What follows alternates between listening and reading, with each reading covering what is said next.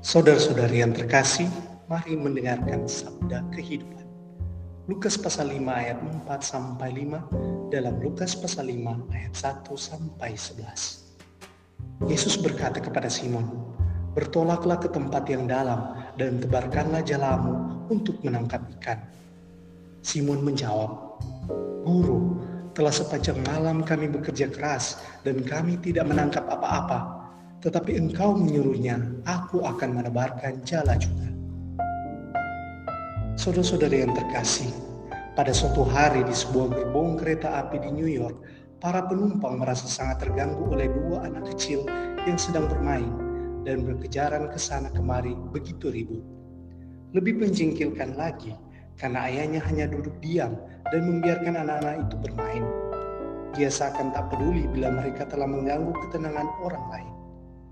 Seorang ibu akhirnya memberanikan diri menegur si bapak. Mengapa kamu membiarkan anak-anakmu seperti itu? Mereka telah mengganggu orang-orang lain di sini. Si bapak yang kelihatan kelelahan dan murung menjawab, Mohon maaf atas kelakuan anak-anak saya. Dua hari lalu mereka baru saja kehilangan ibunya.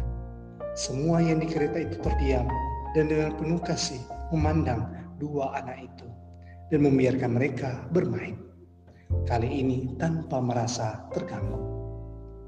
Dalam Injil hari ini, Yesus mengajak kita untuk bertolaklah ke tempat yang dalam. Suatu ajakan iman yang penuh makna untuk selalu masuk ke kedalaman hati, baik ke kedalaman hati sendiri untuk berefleksi dan menguji batin, maupun ke kedalaman hati orang lain untuk lebih memahami mereka. Tidak jarang kita terlalu cepat menghakimi, mengambil kesimpulan sendiri tanpa memahami pergumulan hati dan persoalan serta beban hidup orang lain. Kita menaruh pikiran kita sendiri pada orang lain tanpa mendengarkan ungkapan hati mereka. Ya Yesus, bantulah kami untuk dapat masuk ke dalam hati untuk memeriksa batin kami agar tak mudah curiga atau berprasangka. Terlebih lagi agar suara hati kami menjadi semakin jernih. Biarlah pikiranmu menjadi pikiranku, suara hatimu menjadi suara hatiku juga Semoga aku semakin dalam mengenal dan semakin tulus mencintai. Selamat hari baru, bertolaklah ke kedalaman hati bersama Yesus. Pastor Revitano PR